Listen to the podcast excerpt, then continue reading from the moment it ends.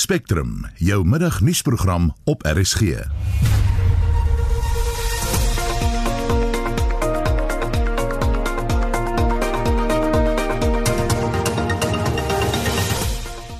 Goeiemiddag en in die program die traumatoloog Dr Tessa van Wyk sê meer en meer jong mense word met depressie gediagnoseer.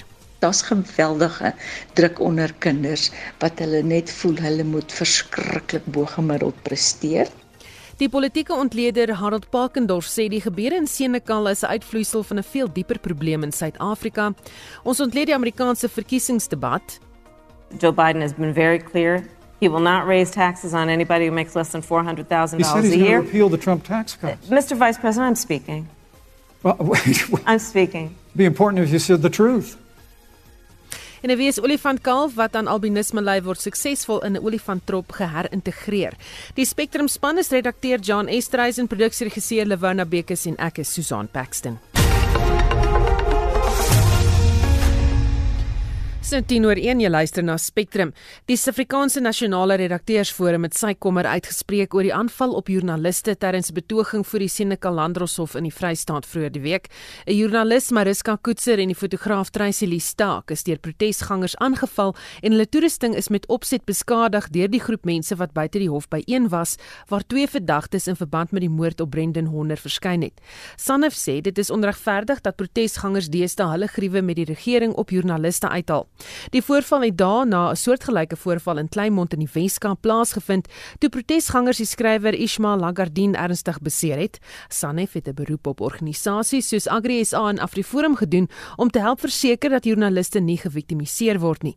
Die politieke ontleder Harold Pakendorf sê hierdie gebeure is 'n uitvloeisel van 'n veel dieper probleem in Suid-Afrika. Kyk sien ek al dit 'n buitengewone geval omdat die boere daar opgeruk het en volgens berigte reg in eie hand wou neem. Ek het geen vaste inligting daaroor nie. Ek sê nie dit is so nie.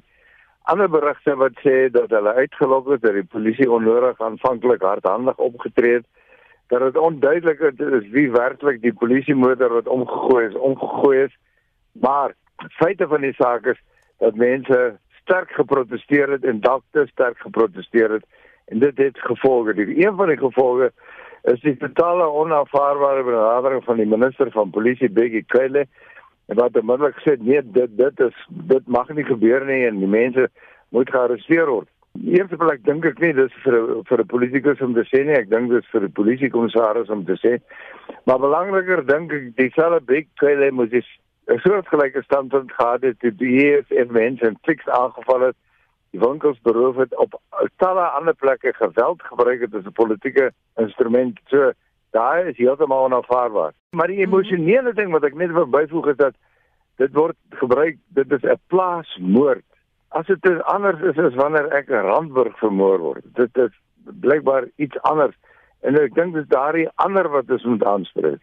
Die interessante as jy mooi na die uh, en wyd lees, sal jy sien dat 57,5% half miljoen Suid-Afrikaners uit die 60 miljoen nie so behep is nie, maar die 2 miljoen wit Afrikaners is. Die ander Afrikaanssprekers is, is hoofsaaklik hoegenaamd nie voel nie voel nie daaroor nie. Jy vind ook bitter min beriggewing oor van die emosionele soort uh, met 'n ondertoon van hier word uh, verkeerd teenoor ons opgetree in die ander media. Dit beteken nie dit is verkeerd omdat ander dit nie daar skryf nie, maar dit beteken tog dat ons moet daarna kyk hoekom is dit so. En by Afrikaners, as ek nou 'n sprong kan maak of die wat so voel, uh, het baie dieselfde 'n soort van benadering as die Trump ondersteuners in Amerika wat hoofsaaklik wit Amerikaners is. En dit is 'n gevoel van eh, 'n uh, verlies aan uh, wel dalk 'n vermeende verlede uh, waar jy geweet het wie die plaaslike polisieman, wie was die plaaslike LV, die dominee was daar, dit was 'n regte gemeenskap. Nou is jy dalk heeltemal 'n vreemdeling of so voel jy in jou eie land. Die Trump ondersteuners uh, dink ook so. Hulle is so saaklik wit soos ek gesê het. En na die Tweede Wêreldoorlog het um, kon elke wit ouerpaar gedink het met my kinders sal dit beter gaan en daardie kinders het ook gedink met hulle kinders sal dit beter gaan en dit het, het gebeur dit is 'n great american dream so 10 jaar gelede het begin dit verander vir te veel redes wat ons hier kan aangee maar die skuld word nou gegee uh, vir die verbrande Chinese ekonomie vir die immigrante uit die suide van Amerika, vir immigrante uit ander dele, ook uit Afrika en uit Asië. En, en nou is dit nie meer ons Amerika nie. Dit is nie meer Amerika wat ons geken het. Dit, dit is heeltemal iets anders. En die weerspieëling van daardie gevoel. Uh, ek glo nie gaan 'n verkiesing meer wen nie, maar dit is tog verstommend dat 'n goeie 42% van die Amerikaners vir hom gaan steun. Dit is dieselfde gevoel van soos ek sê verlies aan 'n vermeende verlede. Om mense moet dit in ag neem en daarbey natuurlik word daar op sosiale media in Amerika en hier goed rondgestuur wat blyklik nie waar kan wees nie en net of iemand dit gesê het 'n onbekende iemand waarskynlik uh, beteken dit nie dat dit waar is en jy moet dit uh, in ag neem nie Maar met dit gesê en die voorbeeld van Trump byvoorbeeld wat jy gebruik het, dit wat die media sê en wat die publiek voel is twee verskillende goed. Wat is ons verantwoordelikheid as media in hierdie opsig? Wel, jy weet media wat heeltemal weg is van sy lesers en gebruikers uh, het natuurlik 'n probleem. Dis 'n markgegewe, dit is so. En mense sal net vir op om te luister na RSG as hulle dink maar hierdie mense saai goed uit wat niks met my lewe te doen het nie. En daarom sou ek dink dat die media geskrewe en andersins behoort daarom 'n bietjie konteks by te sit in die dae van fopnuus en ekstra fopnuus. Want daar is mense op sosiale media wat met kwade wil 'n ding wat op X gebeur het gebruik om uit te illustreer. 'n Foto wat by A geneem is te gebruik by insident by B. En, en dit word met opset gedoen en partykeer is dit net goed wat mense sê wat hulle gehoor het wat dit nie waar maak nie en dan sê tweede een en dan 'n tiende een en dan 'n honderdste een en dan begin jy dink maar dit moet die waarheid wees. En ek dink die die gewone media, nie die sosiale media, moet daarom elke keer by sê pas op. Ons het geen volledige inligting hier hoor nie. En as jy dit op sosiale media gesê het, moet dit nie outomaties glo nie. Dis dalk hoe jy voel, maar dis dalk nie wat gebeur het nie. En dit was die politieke ontleder Harold Pakendorf. Sewe verdagtes in die FBS Mutual Bank skandaal het vandag in die handelsmisdaadhof in Palm Ridge aan die Oosrand in Johannesburg verskyn. Gister is die gewese finansiële hoof van die destydse bank, Philip Trieter, effektiewelik tot 7 jaar tronkstraf gevonnis. Trieter het 'n pleitooreenkoms met die nasionale vervolgingsgesag bereik. En ons praat nou met 'n verslaggewer wat die hofrigtinge bygewoon het, Tsepo Pagani. Good afternoon, Tsepo. Good afternoon, Susan.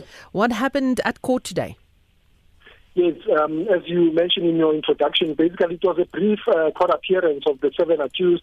Um, the prosecutor, Mr. J.H. Panemeve, indicated to the court that uh, basically they will be postponed uh, to uh, that the matter be postponed to next year, January 26th. Basically, it's to for for the state to to add um, to amend the indictment. basically, what the prosecutor is saying is that there's more people that uh, they say will be added uh, to the case as uh, suspects. Um, so they wanted uh, more time because uh, they were busy with the investigation, but he did emphasize that the investigation is at an advanced stage. Um, so basically, when the matter resumes next year, 26 January, it will, uh, it will be the day, uh, the day to, to set trial. So the, the, the key, uh, the important aspect that came out in court is that more people uh, are going to be uh, added into this uh, case, and that it means that the charges, more charges will be added as well. Baie dankie, dit was ons verslaggewer Tsepo Pagani. Die borgtogverhoor van Timothy Omotoso is vanoggend vir 'n derde dag in die Hooggeregshof in Port Elizabeth voortgesit. Die hof het gister die getuienis van die vorige aanklaer, Ismet Sarfontein, wat haar van die verhoor onttrek het, aangehoor. Sarfontein het getuig dat die broer van 'n staatsgetuie haar geïntimideer het. En vir die jongste praat ons nou met ons verslaggewer in Port Elizabeth, Veronica Fourie. Goeiemôre Veronica. Goeiemôre Susan. Wat het vandag in die hof gebeur? Ag, vandag was dit maar dieselfde storie oor en oor van uitstel en vertraging en dit wil net maar net lyk asof hierdie borg aansoek en eintlik die hele saak net nie kan spoed optel nie. Vandag het um die staat en die verdediging heeltyd geargumenteer oor watter getuie nou eers geroep moet word en wie nie en watter volgorde dit moet wees. Dit het nou alles te doen met prosedures maar daar kan wel afgewyk word daarvan maar dit word nie net sommer gedoen nie. Intussen het die staat nou ingestem. Hulle sal nou hulle getuie nou maar eers te roep omdat die verdediging se getuie wat hulle wil roep nou eers maandag beskikbaar is omdat sy van Noordwes afkom. Dit is nou die polisiebeampte wat die verklaringe afgeneem het van die slagoffers in hierdie saak van Timothy Omotoso En ehm um, intussen het die regter gesê maar hy is baie ontevrede oor al die hoftyd wat verlore gaan en gevra dat hulle asseblief moet skik dat hierdie storie nou kan aangaan. En dit het die hof kortliks laat ehm um, verdaag sodat daar nou besprekings kan wees. En net toe die staat nou sê hulle gaan nou hulle getuie nou maar roep, toe sê die verdediging nee, maar hulle het nou 'n uh, ander getuie wat hulle môre dalk wil roep wat te doen het met die uh, saak van die brief wat ingehandig is by die hof. Nou luisteraars kan miskien onthou dat ehm um, die eerste getuie in hierdie hofsaak Cheryl Zondi het 'n brief namens 'n klomp uh, getuies uh ehm um, van die slagoffers nou 'n brief geskryf aan die nasionale vervolgingsgesag om te vra dat die uh, die oorspronklike aanklaer in die saak advokaat uh, Serfontein is met Serfontein het sy van die saak verwyder moet word omdat hulle nie met haar kan lekker regkom nie. Hulle beskuldig haar van rasisme en dat daar 'n kultuur en taalverskille is en 'n hele lys goed. En nou as gevolg van daai brief wat nou ingehandig is, het uh, die verdediging nou besluit hulle gaan nou 'n ander getuie roep. Dit is nou addisioneel tot die polisievrou wat hulle nou maandag eers gaan roep. Maar wat die storie nou meer ingewikkeld maak, is dat die hofsaak eintlik Dinsdag moes begin het die hele verhoor. Maar dit is nou met hierdie hele week vertraag as gevolg van die borgaansoek en die uh, hoofsaak sou nou maandag begin. Maar nou kan dit nie maandag begin nie want nou moet die um, borgtog aansoek voortgaan maandag. So ek weet nie hierdie saak is heeltemal vol kinkels en draaie en daar's so baie ehm um, kwessies wat die saak vertraag. So ons sal nou moet sien môre, ons weet nie wie is die nuwe getuie nie of hy gaan opdaag en bereid gaan wees om te getuig. Dit weet ons nie. As hy nie gaan getuig nie, dan gaan die saak met oorstaan na maandag toe. So, baie dankie. Dit was ons verslaggewer in Port Elizabeth Veronica Fourie. Dit is Saterdag Wêreld Geestesgesondheidsdag. Depressie is nie altyd 'n siekte wat deur die samelewing met die nodige sensitiwiteit beheen word wat leiers van die siekte verdien nie. Esther de Klerk het met 'n kenner gepraat. Depressie is 'n geestesgesondheidsiekte wat die liggaam, gemoed en gedagtes insluit. Dit het dikwels 'n impak op hoe die persoon oor hom of haarself voel, slaap en eet en die manier hoe jy oor dinge dink. Dit is nie 'n swakheid nie en 'n leier kan hom of haarself nie net sommer regryk nie, sê die traumatoloog Dr Tessa van Wyk. Depressie word gewoonlik gediagnoseer en moet ook gediagnoseer word deur 'n opgeleide psigiater en sielkundige waar hulle na 'n groot sistemiese prentjie kyk kyk na die simptome, kyk na familiegeskiedenis en alles en daarom is dit belangrik dat 'n professionele persoon depressie moet diagnoseer. Daar is twee tipes depressie: kliniese en reaktiewe depressie en dit is belangrik dat dit korrek gediagnoseer moet word. Kliniese depressie, dit is waar jy kry die major depressie, die bipolêre depressie. Ons praat daarvan 'n chemiese wanbalans en dit moet deur 'n psigiater behandel word. Regte diagnose plus regte medikasie is gelyk aan ek voel beter en ek kan dinge beter hanteer. Dan kry jy die reaktiewe depressie. Dit is wanneer jy 'n trauma ervaar het en jy het 'n depressiewe reaksie as gevolg van die trauma. En dit kan weer eens deur 'n psigiater of 'n sielkundige of 'n mediese dokter behandel word samewerkend met terapie. Jy kan nie net die pilletjie drink of te, jy moet die trauma verwerk ook. Veral met kliniese depressie sal leiers gewoonlik lewenslank daarvoor behandel moet word. Depressie is 'n geestestoestand en 'n siekte waarvoor pasiënte behandel moet word. Dit is nie net 'n slegte by nie of is nie net iets wat jy ag gaan slaap maar dan môreoggend voel jy beter nie. Dit is ongelukkig nie so nie, veral nie met kliniese depressies nie. Ons praat van chemiese wanbalanse wat oor 'n tydperk moet behandel word en wat baie van hierdie depressies moet lewenslank moet die persoon onder medikasie bly. So dis werklik 'n ernstige siekte toestand wat behandel moet word. Wanneer leiers se wêrelde so donker raak dat hulle nie meer deur die tonnel kan beur nie, neem hulle soms hul eie lewens. En die wat agterbly, blameer hulle self dikwels omdat hulle nie betyds die tekens raak gesien het nie. Dr van Wyk sê daar is sekere goed wat as 'n geheel aanduidend van depressie kan wees. Wanneer die persoon aanhoudende hartseer en 'n leë gevoel ervaar, die persoon het geen belangstelling in enige iets nie. Daar's 'n groot ernstige gevoel van hopeloosheid.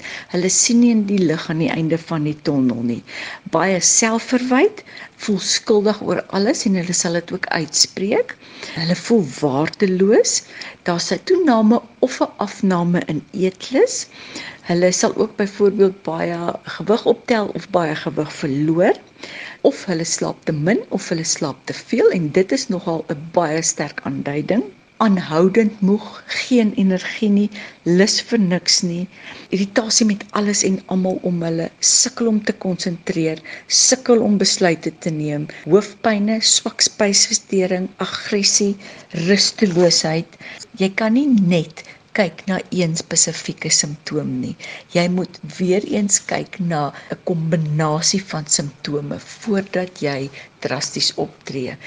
Meer en meer jong mense word ook met depressie gediagnoseer.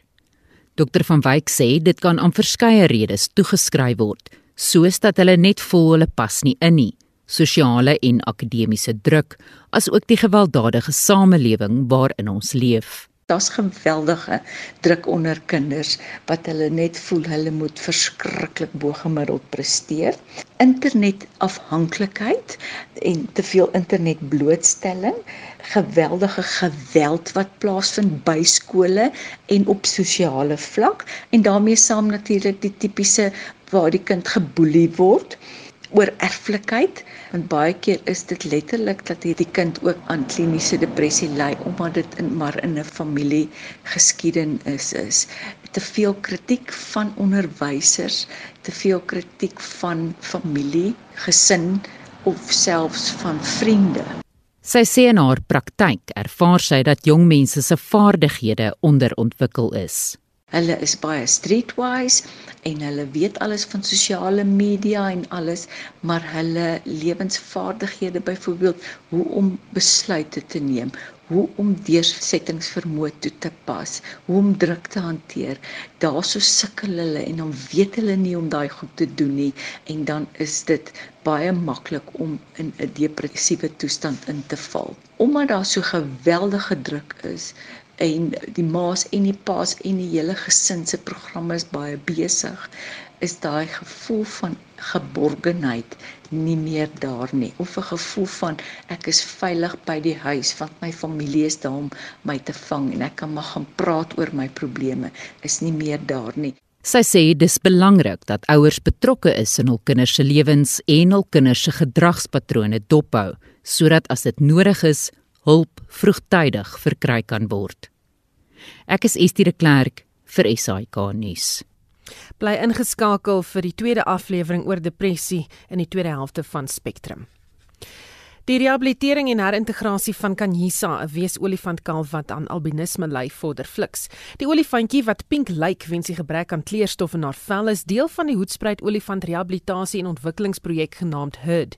Dis oor die algemeen baie moeilik om 'n weesolifantkalf weer te rehabiliteer. Die bestuurder van HUD, Dean Rode, sê dit was 'n emosionele ervaring om te sien hoe die olifante die kalfie in hulle trop verwelkom het.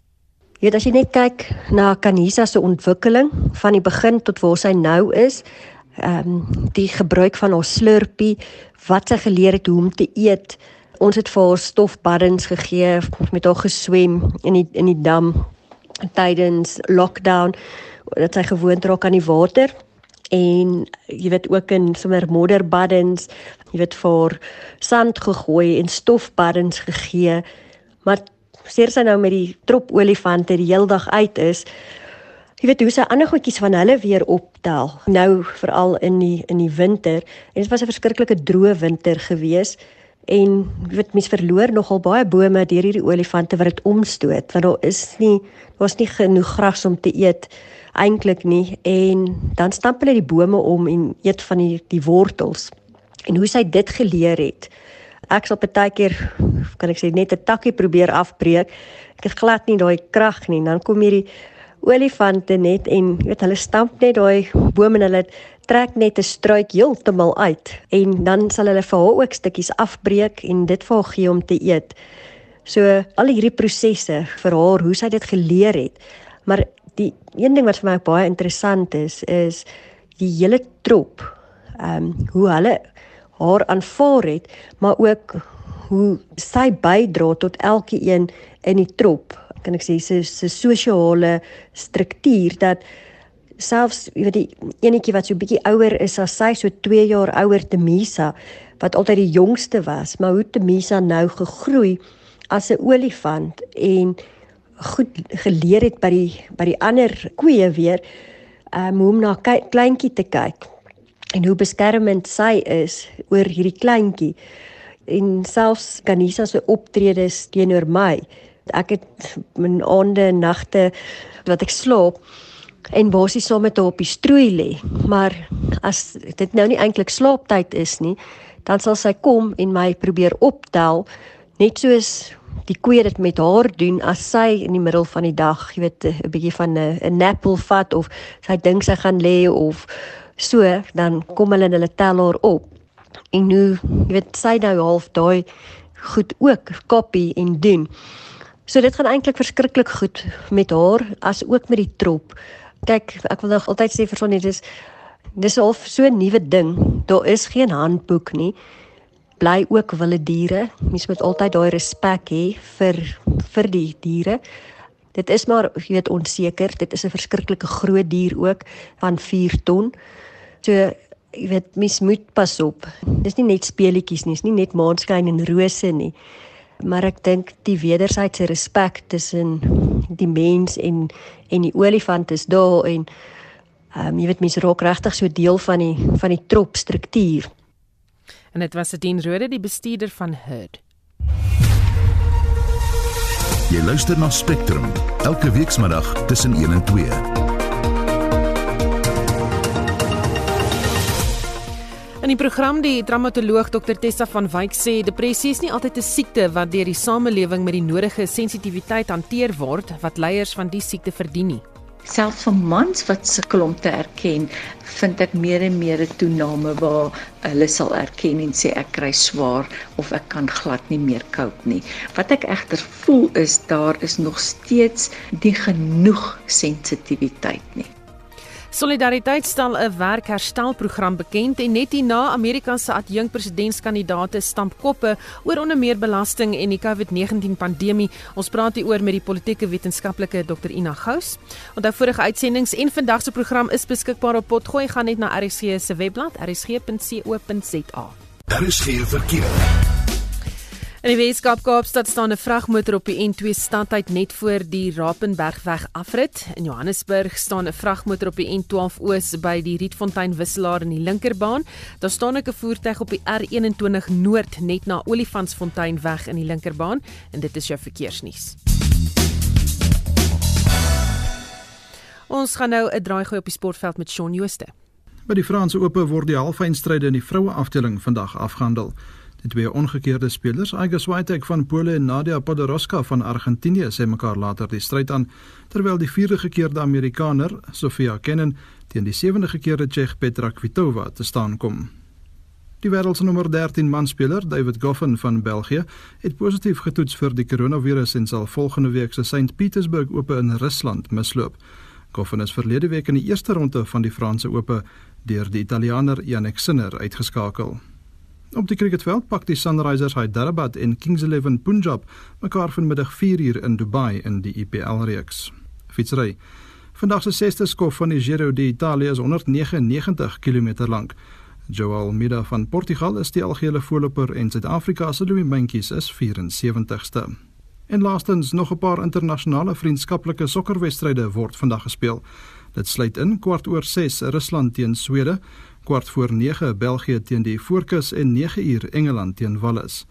Bafana Bafana draf vanaand in Rustenburg teen Namibië op die veldtyd. Die wedstryd word vanaf 6 uur regstreeks op sabcsportsonline.co.za gestroom en daar is ook intussen bevestig dat die kragmeting op SABC3 uitgesaai word.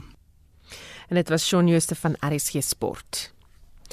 Volgens die demokratiese adjunkpresidentskandidaat Kamala Harris het die FSA terwyl Trump se amptetermyn die grootste administratiewe flaters gesien wat nog ooit deur die regering gepleeg is, veral wat die stryd teen COVID-19 betref.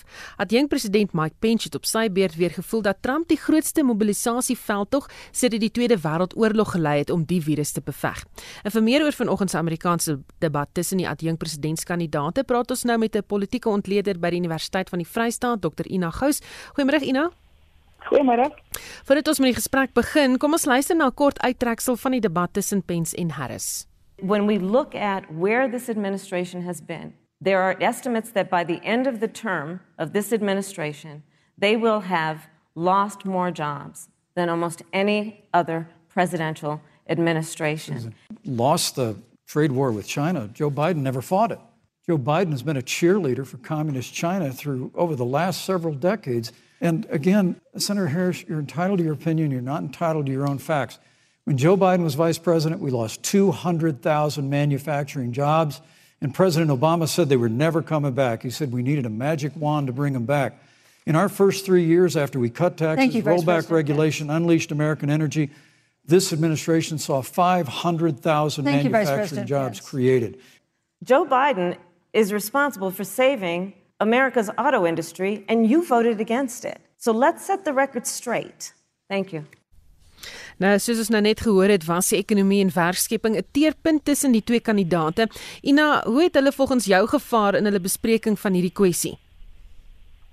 Maar die ekonomie was groot op die ehm um, agenda, mens is met kan net kan verstaan veral uh hierdie jaar na die uh, COVID uh jy weet inperkings wat uh, uh groot slagte gelewer het op die Amerikaanse ekonomie. En wat een van die redes was waarom jy weet uh, Trump so graag wou hierdie ekonomie moet weer oopkom, want hy, ek dink hulle het geweet die die werk verlies gaan ontsettend wees. Ehm um, ek het vanoggend dan gekyk na 'n grafiek van die ontsettende baie uit die, die werk wat verlore gegaan het en die mense wat aansoek gedoen het vir vir vir, vir jy weet verligting en hoe die oomblik die rekening opgegaan het jy weet eh, dit baie verminder het soos wat verwag is. So was baie van hierdie mense situasie te lees, maar in die algemeen dink ek daar is ehm um, jy weet 'n uh, uh, voordeel getrek uit die situasie uit uh, deur die demokrate wat wat wat die jaar se se se slagtings aanbetref en wat Harris dalk ehm um, beter kon uh, voorgehou het wat my aanbetref. Ehm um, en alles het gegaan oor statistieke en getalle en ek wonder tog of Amerikaners op die stadium daarin belangstel in plaas van die goed wat regtig um, jy weet hulle lewens raak. COVID-19 het amper 'n halfuur van die debat in beslag geneem. Is daar enigiets oor die onderwerp gesê wat ons nog nie weet nie of wat jy nie verwag het nie? Nee, ek dink dit is 'n bevestiging van goed wat reeds gesê is.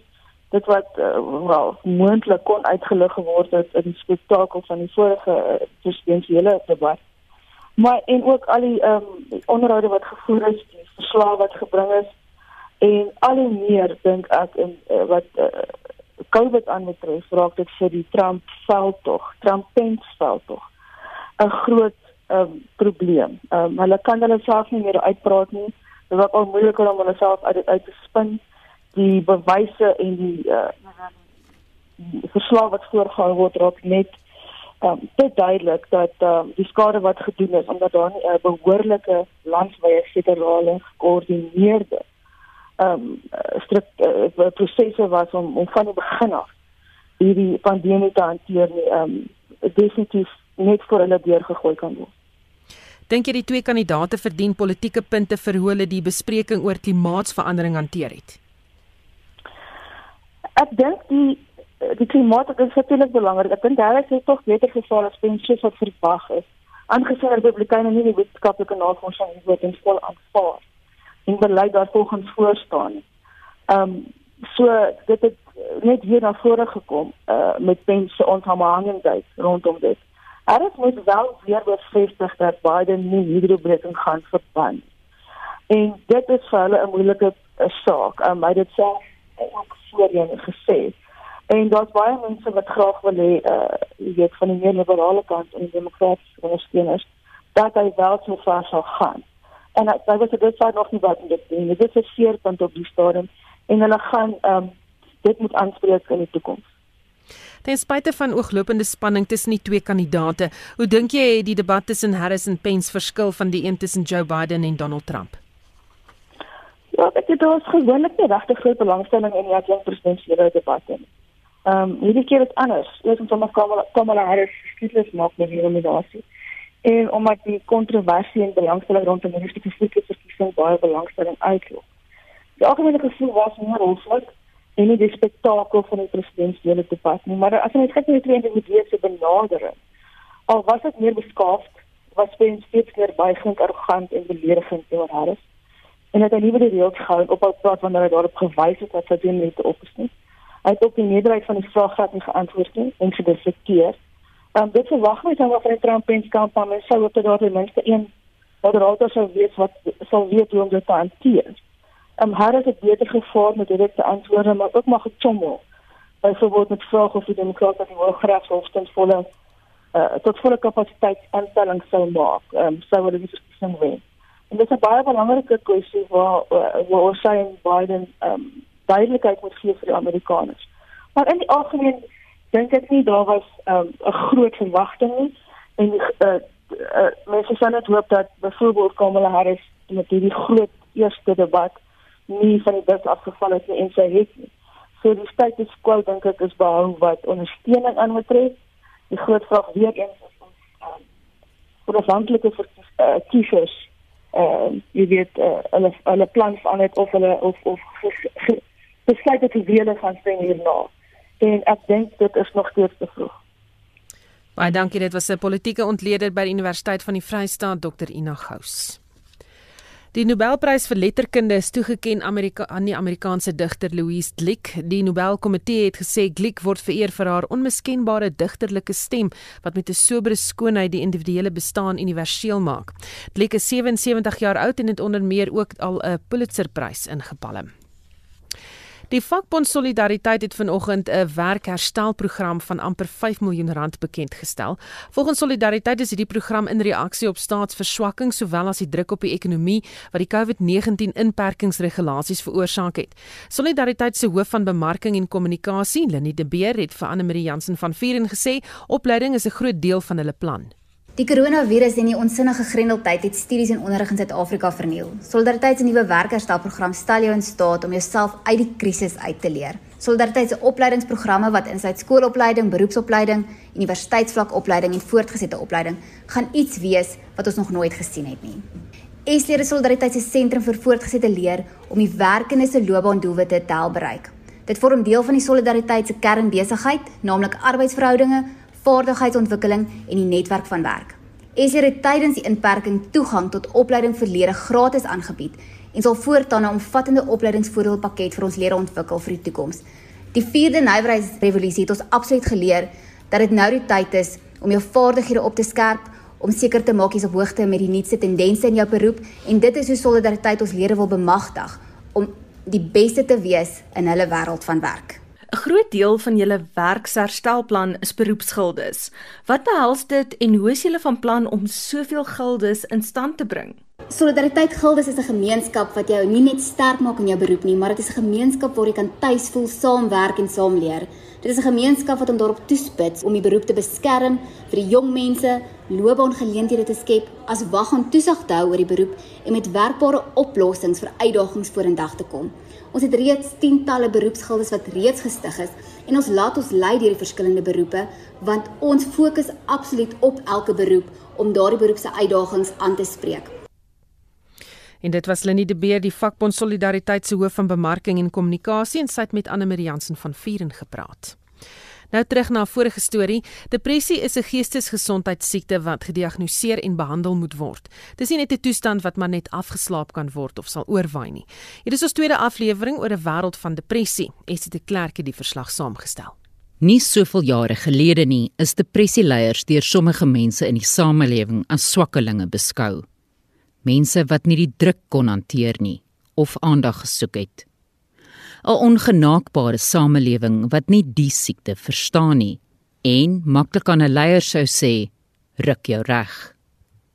Die traumatoloog Dr Tessa van Wyk sê egter die sensitiwiteit waarmee die samelewing depressie en ander geestesgesondheidsiektes deesdae beheen, het tog verander. Selfs vir mans wat sukkel om te erken, vind ek meer en meer 'n toename waar hulle sal erken en sê ek kry swaar of ek kan glad nie meer cope nie.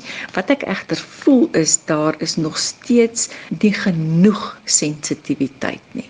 Sy sê die onsensitiwiteit teenoor die siektes lê dikwels daarin opgesluit dat mense dit nie verstaan nie. Baie keer is die gedrag maar van 'n mens as jy iets nie verstaan nie, dan is jy nie sensitief na dit nie en jy gee nie eintlik werklik om nie totdat jy dit self ervaar nie en totdat jy dit self nie verstaan nie. En dit is nogal baie belangrik dat ons meer gesprekke oor dit het en dat mense begin verstaan en weet presies waartoe so 'n persoon gaan. Hulle kan hulle self nie net regruk nie en jy kan nie net 'n gebed bietjie doen en môreoggend is alles weer reg en jy's uit jou depressiewe toestand uit nie. Dit is baie meer ingewikkeld as dit. Juis omdat daar so 'n stigma aan die siekte kleef, praat leiers nie sommer openlik oor hulle diagnose of hulle swaar kry nie. En dikwels leef hulle inwaarts in 'n wêreld waarin hulle hulle self kastei. Dr van Wyk deel 'n skrywe van 'n vrou wat haar diepste gevoelens neergepen het. Sy het eers te begin en gesê hierdie depressie ervaar sy as 'n monster wat binne in haar leef en dit bekruip jou oornag of so dit vir haar gevoel. Hierdie monster tref jou eendag en jy besef ek weet nie meer wie ek is nie. Gevoelens van haat en woede is ewe skielik deel van my. Konstante gedagtes van aggressie en irritasie. Dan sê hierdie vrou Dankie tog. Ander mense kan nie my gedagtes lees nie. Dan ewe skielik die volgende oomblik skuldgevoelens en skaamte. Ek wil net gaan regmaak teenoor my man. Ek wou nie so lelik met hom gewees het nie. Dit is ook nie wie ek is nie, sê sy. Ek sien ook die absolute verwarring en skok in my man se oë. Wat dink ek ken jou nie so nie, sê hy vir my. Die vrou skryf verder. Onthou, 'n persoon wat met hierdie depressie monster veg, is nie dom nie. Ons kan mos sien wat ons aan die mense die naaste aan ons doen. En dit maak dit juis erger. Jy begin soos 'n hygelaar voel. Dit vat my weer na 'n plek toe. Ek wil net alleen wees en dan stoot ek mense doelbewus weg. Ek bid elke dag vir hulp, vir genesing, vir 'n wonderwerk, vir verlossing. Ek vertrou met alles wat ek het dat God sal ingryp en dit beter maak. Ek sê Bybelversies op, maar die monster bly. Ek begin ook skuldig voel teenoor God, want my geloof is nie sterk genoeg nie. Ek vra vergifnis vir my lelike gedagtes en gedrag en my ongeloof en met nuwe moed begin ek weer. Gaan goed vir 'n dag of 2 en dan begin alles weer van voor af. Dit is die depressie monster. Ek is Estie de Klerk vir SAK nuus. Die KAK&K bied hierdie week 'n reeks webinare aan waarin hulle die gemeenskaplike kwessies binne die rolprent stam bespreek. Stam is onder meer by die Durban Internasionale Filmfees as die beste Suid-Afrikaanse rolprent vereer. Stam gaan oor 'n paar karakters wie se paai mekaar sien in Kaapstad kruis onder meer 'n verpleegster, 'n dwelmverslaafde en 'n polisieman. Anne-Marie Jansen van Vuren berig. Die akteur Gideon Lombard vertolk die rol van die polisieman. Hy was ook die moderator van die KAK&K webinar waar tydens die trauma bespreek is waardeur versorgers soos vroedvroue en maatskaplike werkers gaan. As ek luister na julle dan die eerste vraag wat by my opkom is waar kom die energie vandaan? Net aanhou en aanhou en aanhou. Lucinda Evans, 'n aktivis vir vroue en kinderregte, was een van die sprekers. Sy het ook gewys op die trauma wat polisielede ervaar. Soms verstaan ons nie hoekom die polisie reageer soos hulle reageer nie. En ons verwag dat hierdie vroue en mans van 'n brand moet gaan na 'n moord en dan hulle moet in dieselfde shift met hulle deel met 'n verkrachting en dan met 'n dood. En omdat daar nie vir hulle protection basis en holding basis en holding space basis is nie, bekom die polisiebeampte dat van die mees compassionate mense bekom desensitized. En frontline workers is ons, ons kyk na hulle en ons sê julle doen nie julle werk, julle wil ons help nie en ons beklei met hulle en vir 'n lang tyd was dit my narrative en ek moes my narrative verander toe ek begin volunteer as 'n community police forum persoon om te sien wat binne in die organisasie aangaan. Nou advocating op elke platform dat ons moet begin dink aan care for the caregiver. Dis nie net vir die polisie nie, dis vir mense wat by die ambulans werk, dis vir fire mense. Jy weet Lucinda, jou foon is aan 24/7. Maar dan tweedens ook in terme van julle trauma, die versorger se trauma, is waar gaan sit dit? Is dit 'n fisiese ding? Is dit 'n hartseer? Is dit 'n depressie? Verander dit 'n mens se benadering tot dit wat jy doen? Verhard dit jou? Ek het so 'n brandende passie wat ek kan kwantifieer. Ek kan nie vir julle sê wat dit is nie. Dit was altyd daar. Ek's 'n mens mens. Ek word getrek deur goed wat my hart roer. En dis harde werk. Dit is nie maklike werk nie. Dis baie traumatiese werk want vir 8 jaar was my organisasie binne in my familiehuis. So my kinders het groot geword met mense wat kom, vroue en mans, gebroken en stikkend en geslaan en verkragt en ons maak die voordeur oop. Iemand lê daar buite kan geslaan. En ek moes 'n protection layer vir my man en my kinders bou rondom dat ons het gelive loving action. En die loving action het vir ons sein gehou dat dit vir ons deur donker dae gedra. Want as jy nie iets het wat jy aanhou nie vir my ek glo in onbatsigtelike liefde waar dit manifest in manifest in my hare ek kan nie my hare groei nie. Want sodra ek my hare begin groei, is dit planke toe.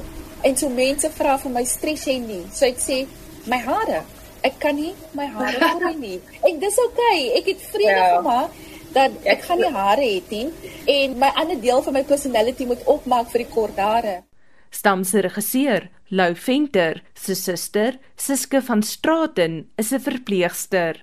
Hy kon dus uit haar ervaring spit terwyl hy daardie deel van Stam se storielyn nagevors het. Van Straten was ook een van die sprekers. Ons moet baie versigtig wees want die Lucindas en die mense is nodig, maar as jy burn-out ervaar, werklike regte burn-out en jou familie ek kan nie eens dink wat Lucinda se familie moet deurgaan op 'n daaglikse basis nie. Jy weet ek het nooit mense in my omgewing gebring nie, maar ek was baie dikwels vir jare en jare. Ek het geslaap wanneer my kinders my nodig gehad het. Ek was nie by verjaarsdagpartytjies nie. Ek was op beroep, ek was angstig. Ek het definitief definitief afgestomp geraak. En ek dink aan daai lieflike verpleegstertjie in die fliek. Het meer op haar kerk as wat enigiemand kan. Sy probeer met jou en al jou drama deel daar's geld issues, daar's race issues, daar's compassion issues. En ons verpleegsters, baie van ons verpleegsters, soos wat Kath of Lucinda gesê het, selfs met die polisie is onderbetaal en oorwerk en wat doen hulle? Hulle werk ekstra skofte. Hulle moonlight. Hulle raak nog moer, hulle sien nog minder hulle kinders. Die vier vroue wat aan die gesprek deelgeneem het, was dit eens. Hulle is oorwerk en onderbetaal maar iemand moet die werk doen en hulle beskou dit as hulle roeping. Die KAK&K sal nog 2 aanlyn webinare aanbied oor die rolprent stam en die maatskaplike kwessies wat dit aanraak. Ek is Anne Marie Jansen van Vuren vir SAK nuus. Hier is al vragtig by my bure se plaas. O, kan my vos. Middag oom Koos. Verskoon ek sou graag nie wil bly maar ek voel nie lekker nie. Ek kan vir hom aansteek. Ek het ou baas Potgieter en sy vrou van Soutkloof vanmôre begrawe. Die groot griep. Jammer ek's op pad huis toe, ek moet aanstoot.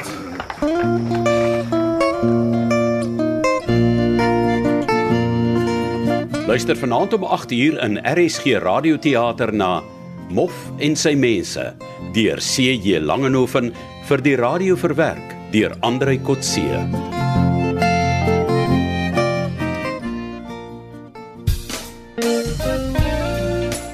Saterdaande is maar net nie meer dieselfde nie, veral nie tussen 10uur en 11uur nie.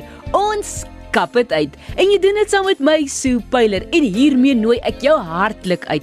Kom gee jou lyf 'n tyd in wikkel wikkel want die vloer is joune. sien jou Saterdag aand 10uur.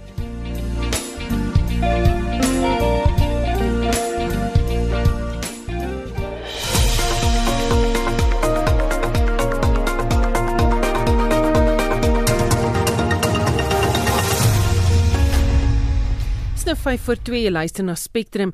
Die jeug is een van die kwesbaarste groepe in die land wat betref werkloosheid. Die uitvoerende hoof van die nie-regeringsorganisasie Yes, Dr Tashmia Ismail Savil, glo egter alles is nie verlore nie.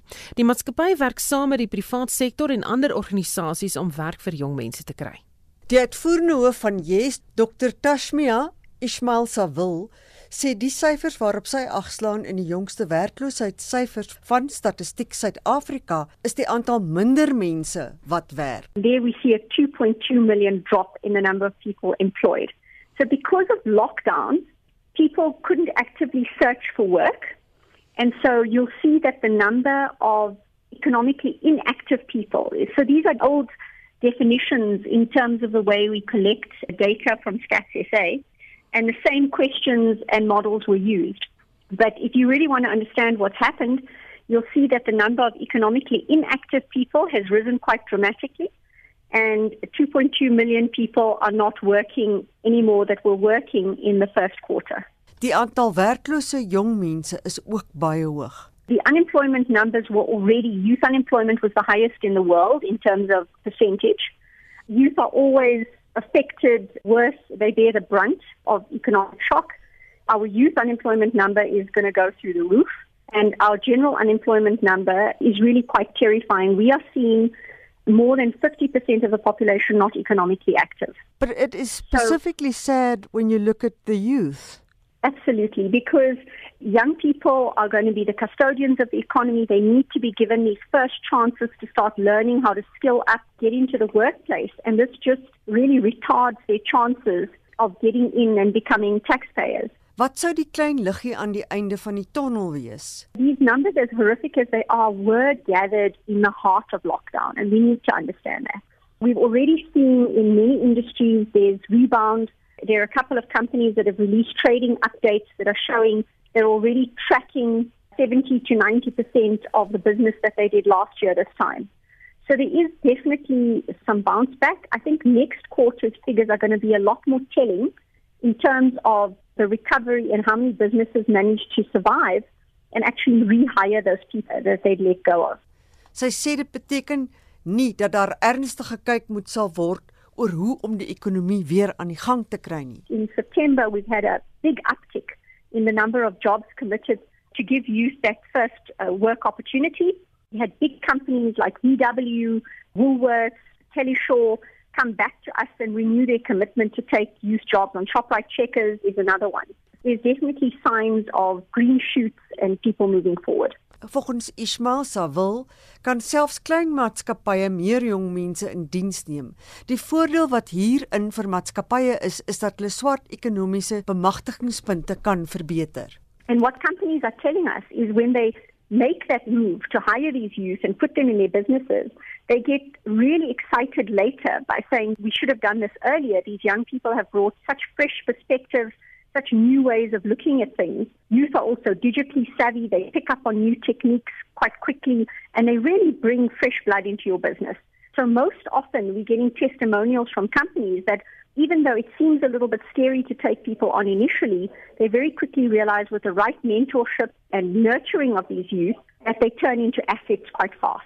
Dr Tashmia Ismail Savil is die uitvoerende hoof van Youth Employment Service. Mitsi van der Merwe, SAK nuus. Onthou Spectrum Monitor naweek aktueel kommentaar en finansiële fokus is beskikbaar op Potgooi gaan net na die RSG webblad www.rsg.co.za. Ons groet namens ons waarnemende uitvoerende regisseur Hendrik Martin, die redakteur vandag John Estreisen en produksieregisseur Lewona Bekes. Ons medewerkers was Estie de Klerk en Anne Marie Jansen van Vieren. Ek is Susan Paxton. Geniet jou middag.